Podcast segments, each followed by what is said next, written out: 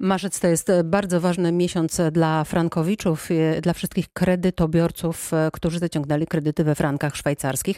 Z dwóch powodów. Właśnie 25 marca Sąd Najwyższy ma ujednolicić sposób, w jaki sędziowie będą podejmować decyzje w sprawie kredytów frankowych. Co to dokładnie oznacza, to dzisiaj będziemy się dowiadywać właśnie od naszych ekspertów. No a po drugie, także banki mają proponować kredytobiorcom jakieś ugody i to wszystko ma się wydarzyć właśnie w marcu.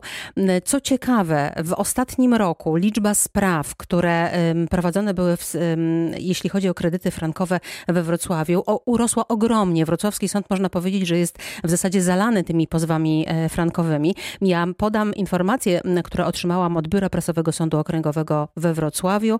W roku 2019, dla porównania, we Wrocławiu prowadzono 359 takich spraw, a w roku 2020 1747 spraw, co pokazuje skalę właśnie tych kredytów frankowych, no i tego, że mają one swój finał w sądach w tej chwili. Czas oczekiwania na wyznaczenie takiej pierwszej e, rozprawy najczęściej zawiera się w przedziale między 6 a 12 miesięcy. E, ze mną jest pierwszy gość, mecenas Paweł Borowski. Dobry wieczór panu. Dobry wieczór, witam Państwa. Panie mecenasie, Pan prowadzi właśnie takie sprawy, sprawy e, Frankowiczów. Na początek chciałam Pana e, zapytać, czy są w ogóle jakieś takie umowy, umowy e, na kredyt, zawarte oczywiście z bankiem we frankach szwajcarskich, które nie, zabiera, nie zawierają tych wszystkich klauzul niedozwolonych, czyli tych zapisów, których nie powinny zawierać. Czy takie umowy w ogóle są? Przeanalizowaliśmy swojej praktyce bardzo dużo takich umów i one zdarzają się bardzo rzadko. Najczęściej wynika to z faktu wystąpienia kredytobiorcy do banku o indywidualne warunki i wówczas może być sytuacja, że na przykład kurs wypłaty kredytu jest negocjowany przez y, kredytobiorcę, a nie narzucany w tabeli bankowej. Wypłata może następować na przykład we franku albo spłata kredytu jest od początku możliwa we frankach. Wówczas nie mam tu do czynienia z zastosowaniem tych kursów narzuconych w tabeli bankowej. W takich sytuacjach nie podejmujemy się dochodzenia wywłaszczeń. Jednakże są to sytuacje nietypowe. Zazwyczaj te klauzule w tych umowach występują i te sprawy wówczas nadają się do skierowania do sądu. Mhm, czyli jeżeli ktoś ma taką e, umowę negocjowaną, jak pan powiedział, e, indywidualnie, no to e, jest w tej chwili trochę w gorszej sytuacji, bo to oznacza, że jakby jego umowa została zawarta zgodnie z literą prawa i w zasadzie no, nie może niczego oczekiwać przed tak, sądem, tak? Tak, tylko w sytuacji takich jest może promil. Mhm. Banki banki generalnie pozwalały negocjować elementy handlowe w tych umowach, czyli marże, prowizje, są to elementy, których nie kwestionujemy w tych postępowaniach. W pozostałym zakresie nie było informacji, że można tutaj coś negocjować. Były to gotowe wzory umowy, obowiązujące dla wszystkich kredytobiorców, praktycznie były one takie same, w związku z czym kredytobiorca mógł, jedyny wybór jaki miał, to zawrzeć umowę na podstawie takiego wzorca umowy albo zrezygnować z zawarcia takiej umowy. Większego wyboru tutaj nie było.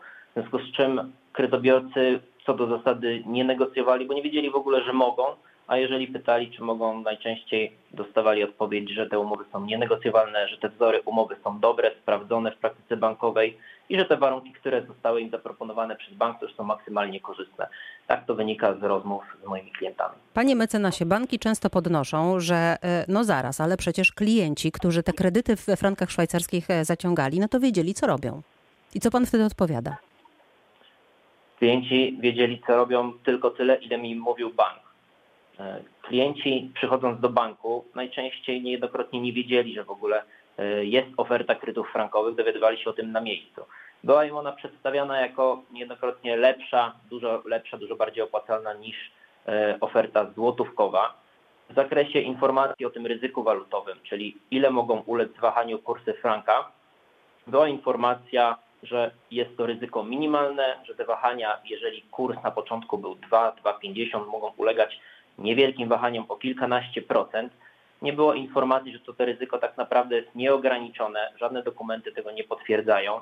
Nie było przedstawianych symulacji obszernych na to, co będzie się działo z ratą kredytu i z saldem zadłużenia w sytuacji, gdyby ten kurs wzrósł nie o kilkanaście procent, lecz o do 3 zł, do 4 czy 5 zł, takie sytuacje, jak mamy miejsce obecnie, to wówczas klienci mieliby świadomość, że jest to możliwe. Jeżeli byli zapewniani, że ten kurs jest stabilny i że ten produkt jest bardzo bezpieczny, to podpisując taką umowę nie mieli świadomości, z jakim produktem mają do czynienia. De facto zawierali umowę kredytu bardzo ryzykowną, niebezpieczną, gdzie przedstawiono im w ofercie produkt bardzo bezpieczny, bardzo stabilny, o niewielkim ryzyku walutowym. W związku z czym ta informacja udzielana pierwotnie była niewłaściwa. To brzmi trochę tak, jakby od samego początku klienci trochę byli e, wprowadzani w błąd. E, czy tak rzeczywiście było? W mojej ocenie tak było. Można też ująć niedoinformowani w zakresie mhm. tego ryzyka walutowego. Przy czym jest to tylko jeden z aspektów, ponieważ umowy powinny być unieważnione właśnie z uwagi nie, na niewłaściwe informacje dotyczące tego ryzyka, ale także na ukrycie tutaj tych mechanizmów e, dotyczących ustalania kursów przez bank, e, kursu kupna i sprzedaży, czyli kursu, po którym był wypłacany kredyt na początku przy wypłacie, a później gdy raty były spłacane znowu po tym kursie stabel, gdzie był dokładany jako dodatkowy koszt kredytu spread walutowy, o którym nie było tak naprawdę mowy. Ten temat był e, bardzo wąsko wskazywany, dodatkowo nie było zobiektywizowanych kryteriów ustalania tych kursów w tych umowach, także klienci tak naprawdę nie wiedzieli, jaki jest ten spread, ile on będzie wynosił, a bank miał kompetencje mm. do ustalania tych spreadów w tylko sobie znany sposób. Pan powiedział, że te kredyty były przedstawiane jako atrakcyjniejsze od na przykład kredytów e, złotowych. Ja sama spotkałam się z opiniami samych frankowiczów, którzy niejednokrotnie mówili, że oni długo jednak wygrywali na tych kredytach e, frankowych, ponieważ rzeczywiście te kredyty były e, tańsze, że, że oni mieli do spłaty co miesiąc mniej, aniżeli ci klienci, którzy płacili kredyty w złotówkach. Na początku owszem tak było, ponieważ oprocentowanie kredytów frankowych e, składało się ze stałej marży banku i ze, i ze wskaźnika LIBOR, który był niski. Mhm. Z kolei oprocentowanie kredytów złotówkowych składało się również ze stałej marży banku i ze wskaźnika WIBOR, który w owym czasie był bardzo wysoki. Procentowo powodowało to, że oprocentowanie dla kredytów frankowych było niskie, a dla kredytów złotówkowych w owym czasie było bardzo wysokie, co też rodziło dość dużą różnicę w ratach, e, w ratach kredytu. Przy czym banki informowały, że nawet przy tym właśnie niewielkim ryzyku walutowym, gdyby się zaktualizowało, to i tak kredyt frankowy będzie dużo bardziej opłacalny. Nie informowały natomiast o tym, że to ryzyko walutowe jest nieograniczone i w sytuacji, gdy te kursy urosły do aktualnych wysokości, te kredyty po prostu przestały być opłacalne i zdecydowanie są mniej opłacalne niż kredyty złotówkowe. Ja wcześniej wspomniałam, że właśnie w marcu Sąd Najwyższy e, ma podjąć bardzo ważną dla frankowiczów e, decyzję. E, to tutaj na chwileczkę postawimy kropkę, a za kilka minut po piosence właśnie będziemy rozmawiać o tym, co może zdecydować Sąd Najwyższy 25 marca.